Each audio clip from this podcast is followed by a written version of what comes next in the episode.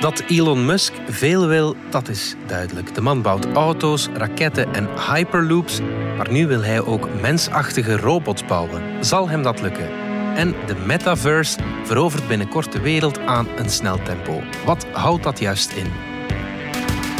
Het is vrijdag 27 augustus. Ik ben Alexander Lippenveld en van de Standaard is dit Bits en Atomen.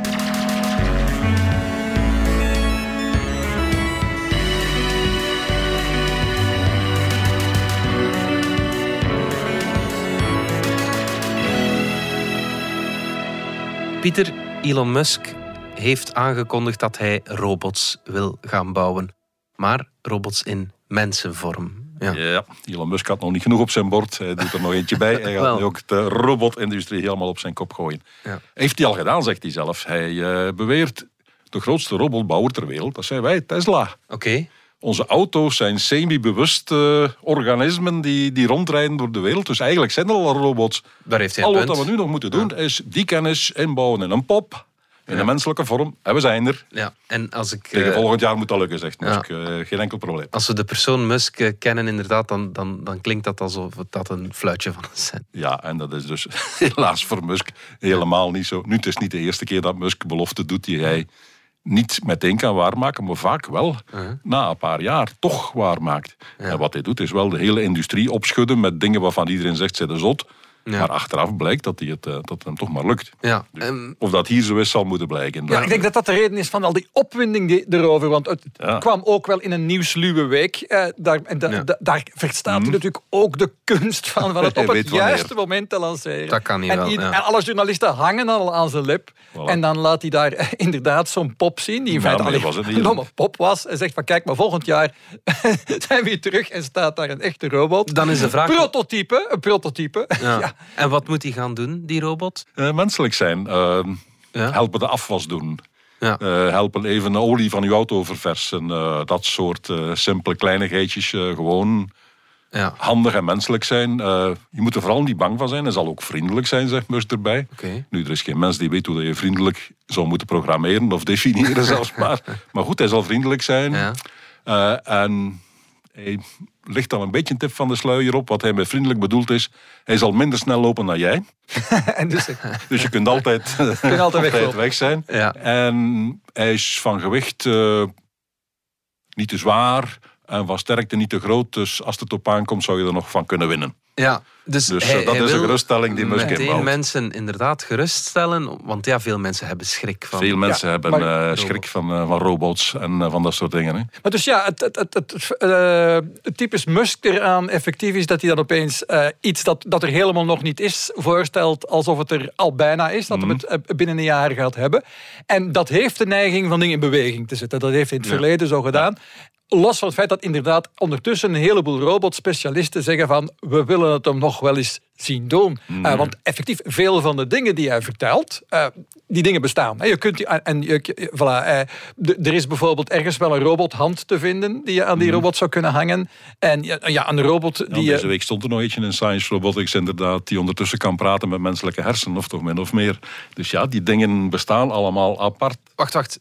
Een robot die kan praten met menselijke hersenen? Een robothand Ja? die wat ze voelt, Ja? kan terugkoppelen naar de menselijke hersenen. Dat is Waarna hij van menselijke hersenen het, uh, signalen krijgt van knijp nu zo hard. voor mensen die een Dat geamputeerde een arm bijvoorbeeld ja, dat is een prothese Ja, voor mensen die een geamputeerde hand hebben. Ja, ja, ja. Dus aan dat soort dingen zijn allemaal ploegen bezig, maar die werken er al twintig jaar aan en die denken dat ze nog twintig jaar werk zullen hebben Ja. aan dat ene aspect. En Musk zegt, we pakken al die aspecten tegelijk en tegen volgend jaar is dat weggeregeld, jongens. Laat Ja. er maar aan mij over.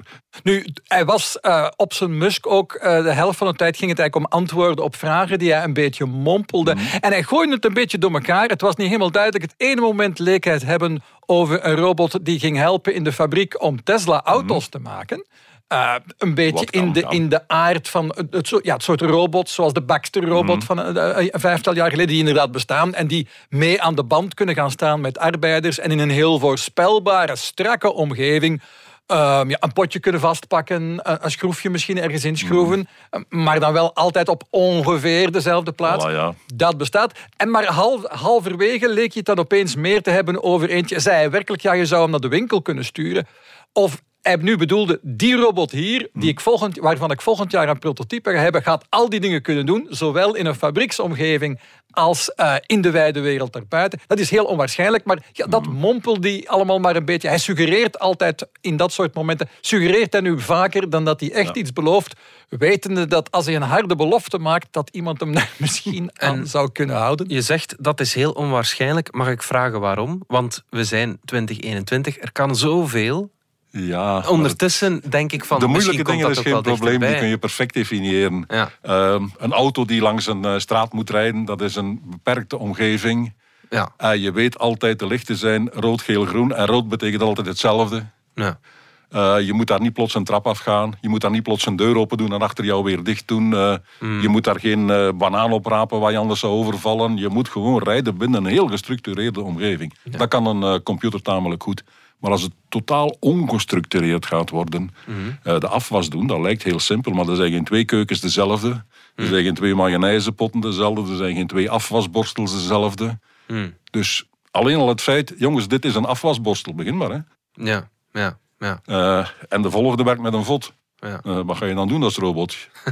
Daar sta je dan. Uh, ja, ja. ja, dus het, het veralgemenen van dat. Dus een robot die iets leert, men begint daar stappen in te zetten. Men kan een robot bepaalde handelingen, zoals effectief een fles open schroeven, aanleren. Maar dat is eigenlijk al spitstechnologie. Daar moet je al flink gesofisticeerde handen voor hebben en flinke aansturing. Maar als je een robot leert een fles spa open te schroeven, kan hij nog geen jampotje openschroeven. Dat verschil is te groot. Ja. Er zijn te veel variabelen in de echte wijde wereld.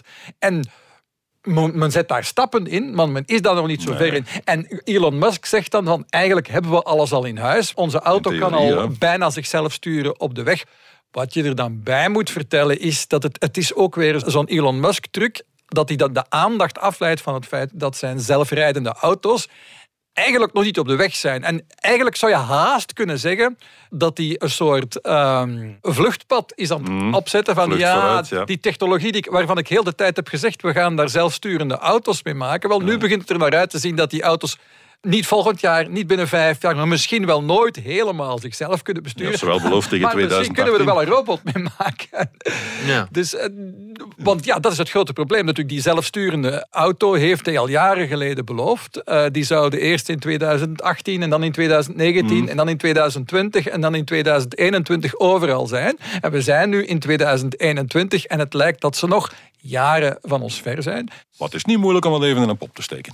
Nee. Ja, nu dat weet je natuurlijk effectief. En dat is hetgeen dat Pieter in het begin ook altijd zei. Als je niet, hij legt het doel altijd heel hoog. En hij zegt dan, we gaan het volgend jaar doen. Het is een beetje zoals onze eigen voormalige hoofdredacteur Peter van der Meers. Die zei ook altijd, hè, de, de, de pijl zakt tijdens het vliegen. Dus je moet altijd hoger mikken.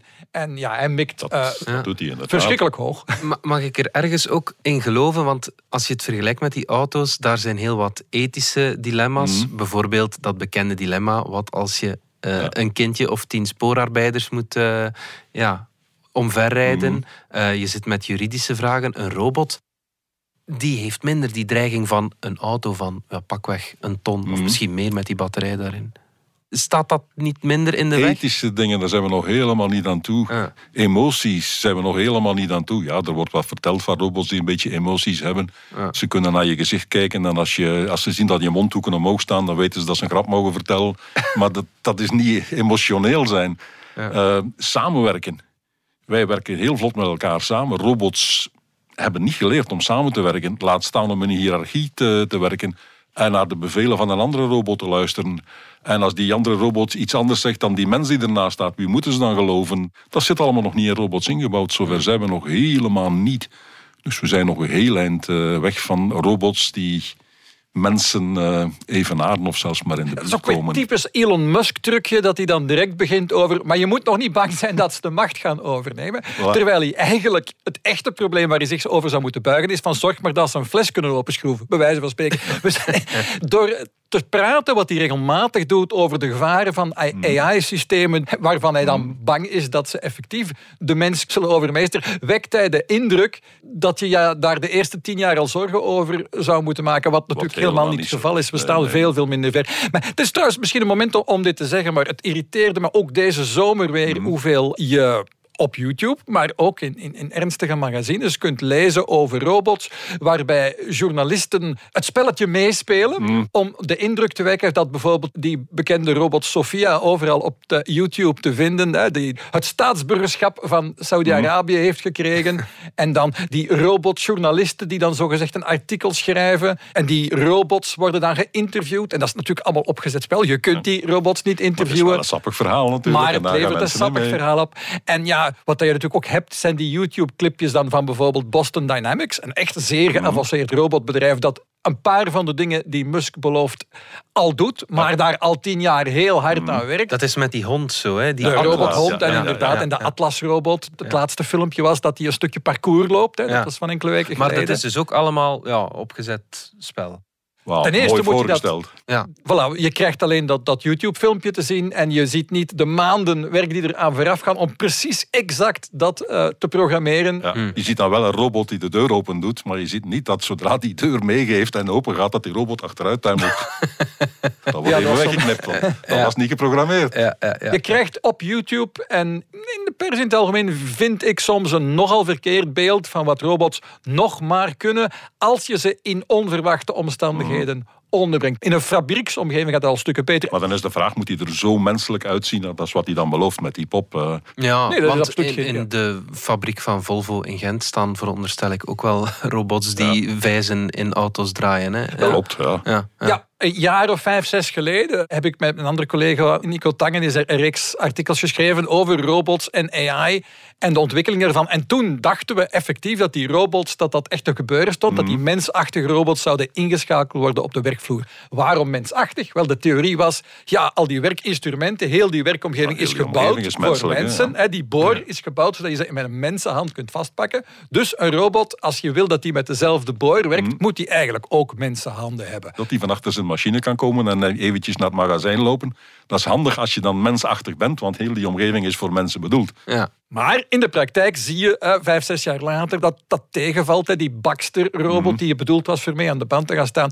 En die relatief betaalbaar was. Uiteindelijk kon die niet echt mee in, in echte omstandigheden. Dat is vooral bij eh, proefprojecten gebleven, demonstratieprojecten. Terwijl je wel ziet dat de traditionele industriële robots, hele grote eh, dingen die niet doen denken aan een mens, maar grote machines, Ja, dat die wel been, altijd ja. slimmer worden en zichzelf meer en meer kunnen programmeren. Dus artificiële intelligentie is gigantisch vooruitgegaan in die laatste vijf, zes jaar. Gigantisch. Enorme stappen gezet.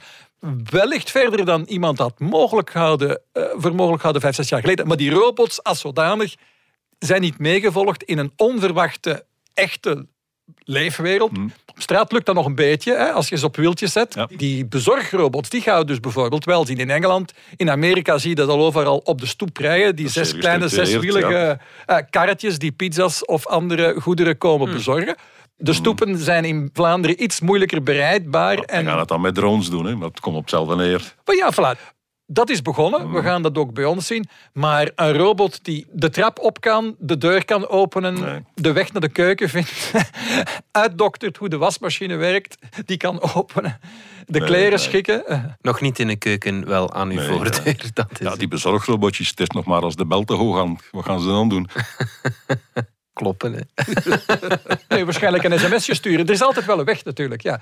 Wat moet voorgeprogrammeerd zijn? Ze gaan er zelf nooit opkomen. Dat is het eh, probleem. De wereld is zo chaotisch en zo ingewikkeld dat je maar een beperkt aantal dingen kunt verwachten.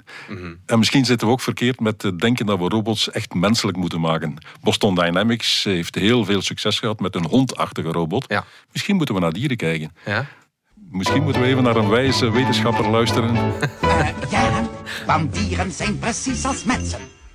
Met dezelfde mensenwensen. En dezelfde mensenstreken. Dat komt allemaal in de krant van Fabelstand. Van Fabelgestand. Ik heb de jongste week eens gekeken en dan eh, blijkt toch inderdaad dat dieren veel menselijker zijn dan wij zelf denken. Er is bijvoorbeeld een eh, verhaal in British Columbia in Canada. Hebben ze het DNA van grizzlyberen bekeken. Ontdekt dat daar binnen die populatie drie stammen waren. Nou, goed, dat kan. Hoewel er geen duidelijk fysieke grenzen waren om die stammen af te baken. Dus het is niet heel duidelijk waarom er daar drie zouden moeten zijn. Maar toen ze het over een eh, kaart legden van de indianentalen daar in de buurt, dan bleken die drie stammen perfect samen te vallen met de Oké. indianenstammen. Ja, dat is Waarom straf. weten ze niet, maar het is wel zo. Die Ja. beren hebben zich op dezelfde manier ingedeeld als de mensen. Ja, ja. Ander verhaal. Eh fruitvliegjes zijn zeer sociale dieren normaal. Ja. Nu, wetenschappers hebben er een paar in quarantaine gezet. Elk apart in een eh, reageerbuisje. ja, Wat blijkt? Die fruitvliegjes gaan minder slapen ja. en meer eten. Oké, Precies wat wij in coronatijden gedaan hebben. dat klopt. ja. Colibries. Ja. Ook een verhaal van eh, deze week. Het blijkt dat bij colibries zo'n 20% van de vrouwtjes heel fleurig en kleurig zijn op zijn mans. Ja. Ah, Dus ja. die hebben eigenlijk mannenpluimen. En waarom doen ze dat? Het blijkt dat dat is om eh, seksuele intimidatie te vermijden. Ah ja. ja. Als er eten te halen valt of zo, en eh, er zijn mannetjes en vrouwtjes in de buurt, de mannetjes die duwen die vrouwtjes gewoon opzij, ik eerst. Ah ja, zo, op die manier. Maar als zo'n vrouwtje too, mannelijke kleuren heeft, dan, dan, is dan doen ze dat niet zo. Ah. Die vrouwtjes die hadden dus die kleuren van mannetjes. Behalve tijdens de broedperiode.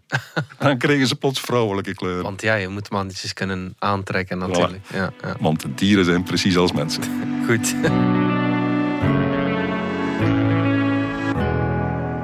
Dominique, zeg niet langer virtual reality, zeg metaverse. Dat klinkt nog iets futuristischer als het Ja, al dat is was. eigenlijk wat er inderdaad gebeurd is. En ja, ja. ik- laten we het iedereen duidelijk maken. De volgende week of maanden, u zult het woord eh, metaverse nog veel horen. Maar laat dit dan de eerste keer zijn. Hopelijk. Metaverse. Ja.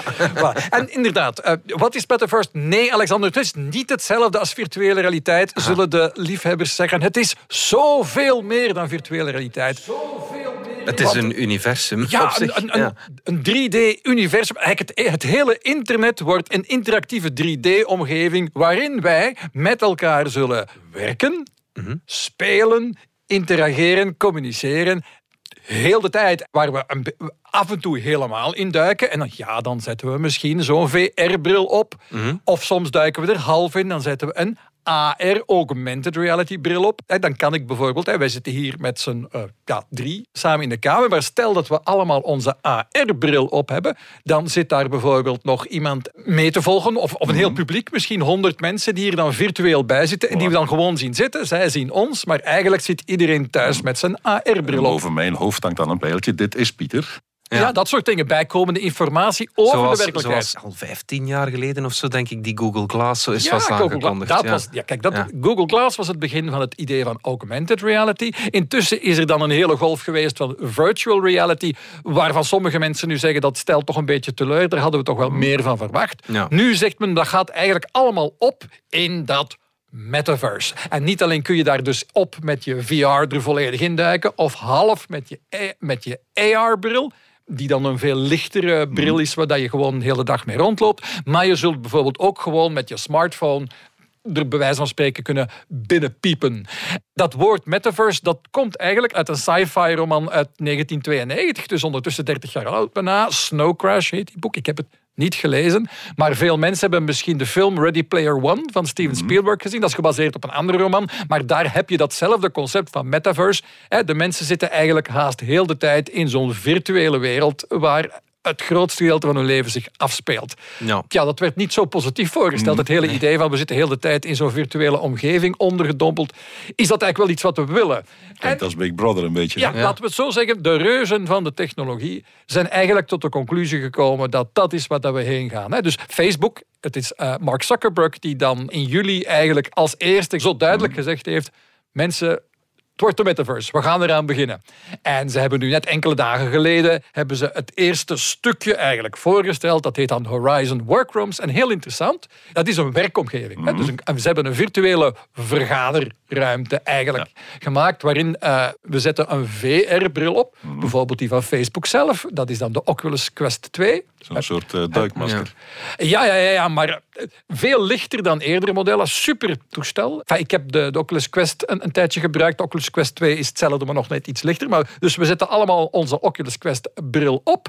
En ik zie uh, En dan, dan een eh, soort... wordt onze huid geïrriteerd en dan staan we weer Ja, vol er eh, was, er was een beetje een probleem met huidirritatie. Dat hebben ze nu blijkbaar opgelost. Maar het gaat erom, dus ik, ik zet mijn bril op, jij zet jouw bril op. En dan zie ik jou, waar je ook zit in de wereld, Mhm. zit jij bij mij in die vergaderruimte. In de vorm van een soort eh, cartoonfiguurtje, tekenfilmfiguurtje eigenlijk. Wat, wat is daar dan het nut van tegenover een gewone vergadering op Teams of Zoom? Want ja, ik zie liever mijn collega's in... Ja, Ja, Maar in Teams kan ik niet in mijn een- ja. pyjama zitten of laat staan in mijn blote bast. En Voilà. met Ah, zo'n ja. avatarfiguurtje Ja. kan dat wel. hè. Is altijd net gekleed en net gekapt. En, eh, Wel, het- er zijn heel veel. het is een ingewikkeld debat. Eh, eh, Mark Zuckerberg was zelf aan het vertellen. Hij is heel, heel erg zelf persoonlijk dat, eh, dat verhaal aan het trekken. Momenteel is daarvoor echt de hort op aan het gaan om dat idee nu te verkopen van de toekomst is de metaverse. Maar ik zeg het er toch even bij. Ondertussen weten we dat Apple al jaren aan een AR en een VR-bril bezig is. Volgend jaar of zo komt Apple met zijn versie van dat verhaal. Dus het is echt niet alleen eh, Facebook dat ermee bezig is. Hè. Dus een, een heleboel bedrijven zijn er tegelijk mee bezig. Maar waarom is een, een- zou bijvoorbeeld een virtuele vergadering in zo'n metaverse beter kunnen zijn dan een Zoom-vergadering? Wel, zoals Mark Zuckerberg het was aan het uitleggen, en die uitleg heb ik ook al van andere mensen gehoord, is omdat ons brein nu eenmaal bedoeld is om in een 3D-omgeving te werken. En dus niet in een plat scherm waar al die gezichten naast elkaar staan en bijvoorbeeld hun stem eh, allemaal uit dezelfde luidspreker komt. Eh, Zuckerberg was aan het vertellen, maar dat hebben andere mensen ook gezegd, van ja, maar als, ja, als, als ik jou nu daar zie zitten, links van mij, en jouw stem komt ook, hè, dat soort details zijn blijkbaar ook belangrijk, jouw stem komt ook vandaar, ga ik veel beter weten achteraf, ah ja, maar dat heb je toen gezegd, jij zat daar, je keek er boos bij. Dus het is gemakkelijker om te onthouden, te volgen, terwijl dat, ja, dat zal iedereen toegeven, al die Zoom- en Teams-vergaderingen op de duur in je hoofd één grote soep zijn Nu, geworden. ik herinner mij een van de eerste vergadersystemen, meer dan twintig jaar geleden denk ik, waar je in een zaal moest gaan zitten, waar om, rond de tafel om je heen allemaal glazen poppen zaten. En binnen in die poppen werd dan het gezicht geprojecteerd van al diegenen die elders in de wereld Oh, eh, dat ook zaten klinkt vergaderen. zeer eng, en dan had je dus wel het gevoel dat je samen rond een tafel zat. Ja, ja, ja. Want het was dus fysiek onmogelijk te doen. Dan moest je in heel de wereld overal dezelfde vergaderzaal met dezelfde poppen. En iedereen zijn vaste stoel en zo. Het is nooit doorgebroken. Nee. Maar het idee is dus eh, niet nieuw. Ja. En het zou dus kunnen werken voor werk. Dat nieuwe ding dat Facebook dan heeft voorgesteld, dat noemen ze dan Horizon Workrooms. Maar eerder al, al enkele jaren eigenlijk, experimenteren ze met meer eh, spelletjes doen. In eigenlijk een heel vergelijkbare 3D-omgeving met diezelfde cartoonfiguurtjes, die wel elk jaar een beetje natuurgetrouwer worden. Ja. Eh, en het idee is eigenlijk dat je dat, dat je dat eigenlijk bij ongeveer alles kan doen en dat je vrij vlot in en uit dat soort virtuele omgevingen kunt duiken. En ja, voilà, dat is, de- is, is dat de toekomst? Is dat wat we, is dat wat we willen? Werkt dat? Eh, Tja, dat gaan we. la- Laten we zeggen, ik ik wil alleen maar zeggen, we gaan er de volgende weken en maanden en jaren nog heel veel over horen. Dat, Ja. dat dit en wanneer wel denk je dat iedereen zo'n bril zal hebben, zoals nu iedereen een smartphone heeft? Ik ben niet overtuigd. Ja, uiteindelijk hebben we het altijd nog een beetje zelf in de hand. Hè. Dus ik heb nog geen toestel gezien dat ik heel de dag wil op hebben. Maar ja, daarvan zegt Mark Zuckerberg, ja, maar die komt er. Er komt, het zal eruit zien als een pakweg een zonnebril. En je zal hem gewoon opzetten. En dan kun je al die virtuele beelden daar gewoon in zien. En Apple werkt aan zoiets. En ja, v- van Apple weet je, als die ermee afkomen, dan, dan is het af. Maar daarom wachten we er al zo lang op. Ja. Dus ja, ik zou eerst afwachten wat Apple er volgend jaar of misschien later van bakt. En als Apple denkt dat dat wordt niks, dan gaan ze hem niet laten zien. Gaan we er nooit van weten. We weten, we weten quasi zeker dat ze er al jaren met heel veel mensen aan werken. Dat ze gigantische middelen insteken. Maar als het niet werkt, als het niet goed genoeg is, gaan ze het waarschijnlijk niet lanceren. Maar als ze het uitbrengen, en de Apple-experts zeggen dat dat toch iets voor volgend jaar zou kunnen zijn, dan wil ik dat eerst eens zien. Wat, wat bakken zij ervan? Hè? Maar, Ja. maar die, in ieder geval die Oculus Quest-bril, die kan je best wel een paar op je neus houden. En ik heb, ik heb er een aantal vergaderingen in gedaan met zo'n Oculus Quest-omgeving. Niet met de eh, Horizon, Horizon Workroom software van Facebook, want die bestond nog niet, maar met een paar andere vergaderomgevingen. Het heeft wel iets. Als nu mensen dat massaal tof vinden en als blijkt dat dat ja, mensen productiever maakt, ja, ja wie weet eigenlijk. Het, is, het is niet uitgesloten Te volgen. te volgen, te volgen. Maar in ieder geval een heleboel heel belangrijke mensen met veel geld hebben beslist dat zij geloven dat dat, dat eigenlijk de opvolger is van de smartphone. Eerst zaten we allemaal op computers, dan hebben we tien jaar lang eigenlijk alles met de smartphone gedaan. En een heleboel belangrijke, machtige mensen hebben gezegd, en nu gaan we de metaverse in. De metaverse.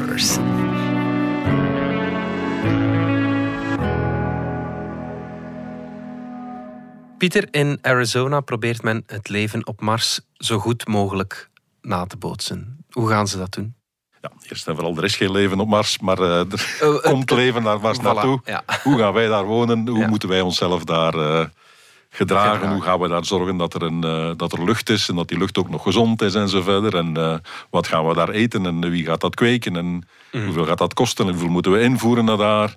Dat soort eh, problemen, daar zitten we mee. En inderdaad, in Arizona, in wat vroeger Biosfeer 2 heette, Mhm. gaan ze nu een soort hermetisch gesloten serre installeren waar ze een Marsomgeving kunnen in nabootsen. Ja. En dus leren inderdaad van als ik sla kweek en radijsjes en uien, potverdomme, dan stinkt het hier wel. Hè? Ja. Dus ik moet ergens nog een, een plant of een dier hebben dat met die uiengeur weg kan. Ah, ja. ja. En eh, als ik mijn nagels knip, ja, eh, ik zit, zit hier met die rotzooi en eh, als ik hier lang genoeg op Mars woon, begint dat een stapeltje te worden. Dus ik moet iets vinden dat mijn afgeknipte nagels opvreet. Ja. En dat moet- dan weer eetbaar zijn en dat, eh, dat scheidt weer en die, dat moet dan weer voedsel zijn en zo verder. Al Ja. die dingen moeten in elkaar haken. ja, Dus eigenlijk je een- moet één biosfeer, ja. één ecosysteem Eén, hebben. ja, ja, ja. En dat is niet zo gemakkelijk. Nee, nee, nee. Biosfeer 2, inderdaad. Jij hebt het ooit CO2, bezocht, Inderdaad, Pieter. daar hebben ze het voor het eerst geprobeerd om een hele Ja. hermetisch afgesloten aarde, Ja. die zichzelf aan de draai kon houden eh, om de, te Ja, hoe lang geleden is dat nu al? Ja, dus het wordt dit jaar 30 jaar. Ja. 30 jaar. En jij hebt het ooit Ik bezocht. heb het ooit bezocht, Ja, dus ja. eh neem Vertel mij die eens. 30 jaar niet kwalijk, het is lang geleden, opa verteld. maar het, eh, het was wel de moeite. Het, volgens de Amerikaanse pers was het een eh, complete mislukking. Ja, men heeft het toen, toen echt weggelachen. Hè? Men heeft het weggelachen, weggehoond. Nu, dat hebben ze zichzelf een beetje aangedaan. Die mensen van Biosfeer 2 waren wel mensen die wetenschappelijk geïnteresseerd waren en ook wel wat wetenschappelijke bagage hadden. Met wetenschappers samenwerkten. Alleen, het waren vooral Russische wetenschappers op dat moment, dus de Amerikanen, dat, dat telde niet mee. Ja.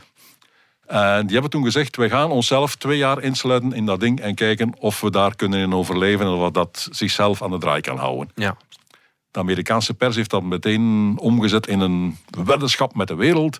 Van wij kunnen compleet hermetisch en daar kan niks binnen en er gaat niks buiten. Dat gaan we doen. Ja.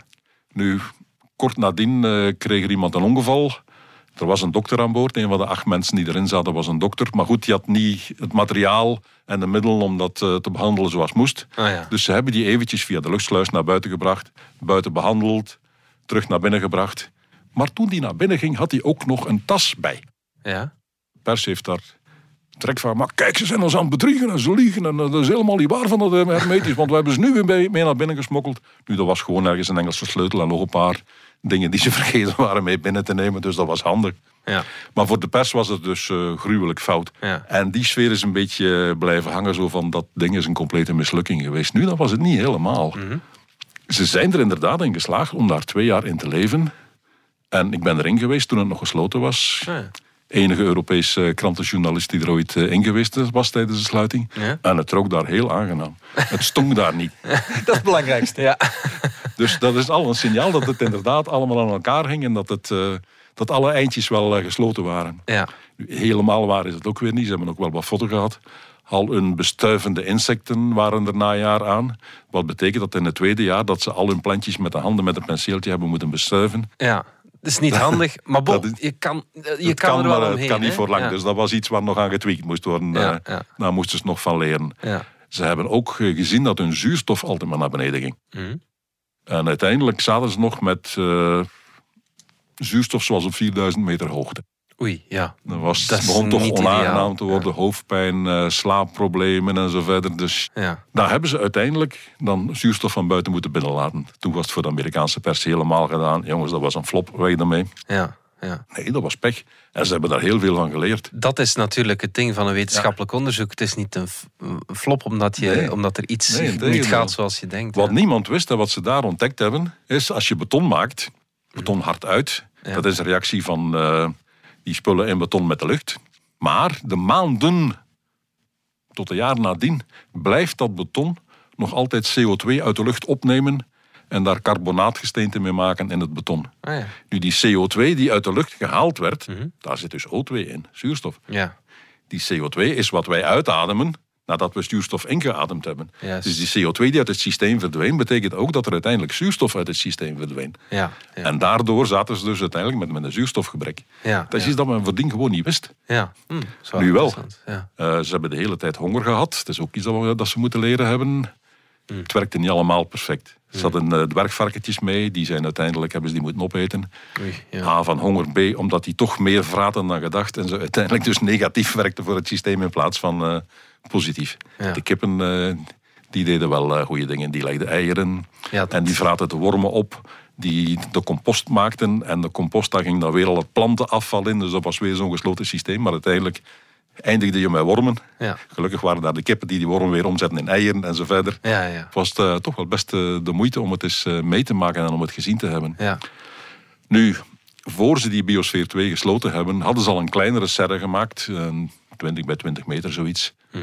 Om al eens een paar proefsluitingen te doen voor een maand of zo. Om Mhm. En al hoe, wat hoe te groot leren. was Biosfeer 2 juist? Biosfeer 2 was, eh, zeg, drie voetbalvelden. Ah ja, oké. Zeg het eh, voetbalterrein en het oefenterrein van FC Schepdaal met de kantine er ook nog bij. Ja. Zoiets.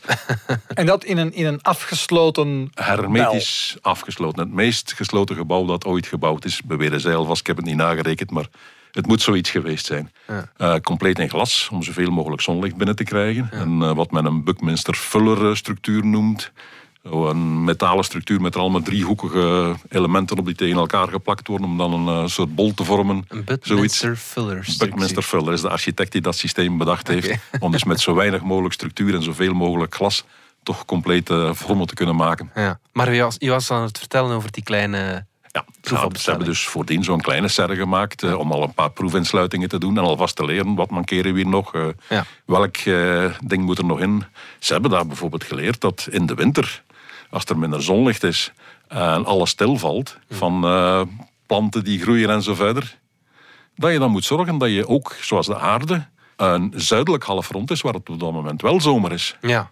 Ja. Het zuidelijk halfrond zorgt dan dat er voldoende zuurstof in de lucht komt en zo verder, maar de planten daar wel groeien. Ja, ja, ja. Zij hebben dat gedaan door een woestijn in te bouwen in hun systeem. Ah, ja. En die woestijn op het juiste moment en op vraag gestuurd te beregenen. Ah ja. En toen begon daar in de woestijn dingen te bloeien. Die compenseerden voor het feit dat het eh, in de rest van eh, het systeem winter was. Dat zijn allemaal dingen die je moet leren. ja. Maar nu, op Mars, nu gaan ze daar de leefomstandigheden proberen nabootsen. Ja. Dat lijkt me nog veel moeilijker. Dat is inderdaad veel moeilijker. Want daar is geen regen bijvoorbeeld. Daar is bijvoorbeeld geen regen. Dus je zult daar een systeem moeten hebben dat half automatisch is en half mechanisch, half computergestuurd en zoveel mogelijk biologisch. Mm. Nu, de overgang van eh, als je daartoe komt met een eh, basis die compleet eh, mechanisch en computergestuurd is, naar iets dat zo biologisch mogelijk is, het is dat dat ze nu willen bijleren. Ja. In Biosfeer 2 hebben ze al iets geleerd, maar een ding van 1,3 hectare, dat kun je niet zomaar lanceren naar Mars. Nee. Dus daarom gaan ze nu in dat kleinere ding proberen om iets Marsachtig te maken. Ja. Dat kleinere ding heb ik toen ook bezocht. Dat stond toen gewoon open aan de buitenlucht. Dat gebruikten ze niet meer als hermetisch systeem. Ah, ja. Het heeft de jongste 30 jaar gewoon toeristische doeleinden gehad om de mensen te laten zien van hoe het daar binnen in zo'n systeem ongeveer uitziet. Hmm. Nu gaan ze dat dus terug verzegelen, afsluiten en het eh, gebruiken als, eh, als Marsomgeving. ja. Hm, bijzonder boeiend. En dan zijn we eigenlijk eh, bijna klaar om echt naar Mars te vertrekken, wat toen 30 jaar geleden veel dichterbij leek.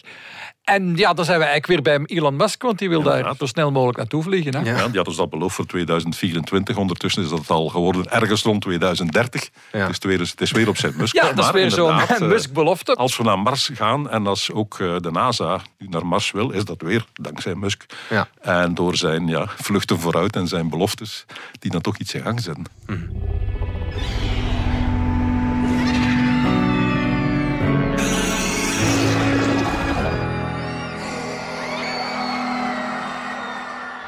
Pieter, de T-Rex die heeft veel bijzondere kenmerken, maar een van die kenmerken, dat zijn zijn tanden. Inderdaad, ja. T-Rex, waarom heb jij zo grote tanden? Ja, Dat is om je beter te kunnen voelen. oké. Aan een Japanse universiteit hebben ze een paar T-Rex-schedels onder de scanner gelegd. Eh, vooral de onderkaak. En ze hebben gezien dat eh, de zenuwkanalen die daar in die onderkaak lopen, de zenuwen zelf zijn weg, maar de kanalen zijn er nog, Ja. dat die heel complex en heel ingewikkeld zijn. Het is te vergelijken met de bezenuwing bij een moderne krokodil Ja. en bij een eend. Bij een eend. Ook een eend voelt met haar bek. Ja. Een eend duikt onder water en moet daar in, in de grond krabbelen en snabbelen en eh, zoeken naar voedsel. Ja. Dus die moet met haar bek voelen, heb ik hier iets vast dat kan opeten? Want een eend heeft toch, toch geen tanden? Of, of, of Nee, maar dus mis- wel een heel sterk bezenuwde bek. Ja, ja, waarmee ze heel goed eh, kan voelen, wat heb ik hier vast. Krokodil heeft dat ook. eh. Die weet exact, heb ik hier vlees waar ik maar gaan scheuren of zijn dit darmen? Dan moet ik anders bijten en trekken. T-Rex had dat blijkbaar ook hele gevoelige tanden, waarmee hij wist wat hij vast had en of het bewoog en hoe het bewoog en hoe het zou smaken en zo verder. Dat Ah, ja. kon hij allemaal heel goed voelen. Ja. Nu, de zenuw die hij daarbij gebruikte was de trigeminus, dus een zenuw die wij ook in ons gezicht hebben. Een van die zenuwen die rechtstreeks naar onze hersenen gaat zonder ruggenmerg te passeren. En ook bij ons bedient hij onze bovenkaak en onze onderkaak. Ook wij voelen of we in een appel aan het bijten zijn, Ja. of in een, eh, iets dat veel zachter is, of in een boterham, of net op een noot. Wij merken dat ook met onze tanden. Nu, als die T-Rex zo gevoelig was, dat betekent dat ook weer dat hij zijn bek kon gebruiken om nesten mee te bouwen. Dat hij voelde wat hij aan het doen was als, als hij zijn nest aan het bouwen was. Ah, ja. Dat betekende, maakt ook verschil voor ouderschap. Mhm. Als je zo'n gevoelige bek hebt, dan kun je ook met eh, kleine pups omgaan en daar eh, contact mee hebben. Mhm. Ook eh, voor sociaal contact tussen die beesten maakt dat verschil. Mhm. Als wij een T-Rex zien in de, in de filmpjes, dan komt hij altijd naar ons toe, trekt zijn bek open en begint te brullen. Ja. Wat ze in feite deden als ze naar elkaar toe kwamen, was neuzen neuzen. Maar Dus dat is iets heel anders dan wat een heel ander beeld van T-Rex. Ja, goed. Dank aan die zenuwbaan. Van die neus en neus, dat weten we niet echt. Hè? Oké. Dit was Bits en Atomen. Bedankt voor het luisteren. Reageren kan via podcast.standaard.be. Alle credits vind je op standaard.be-podcast. Tot volgende week.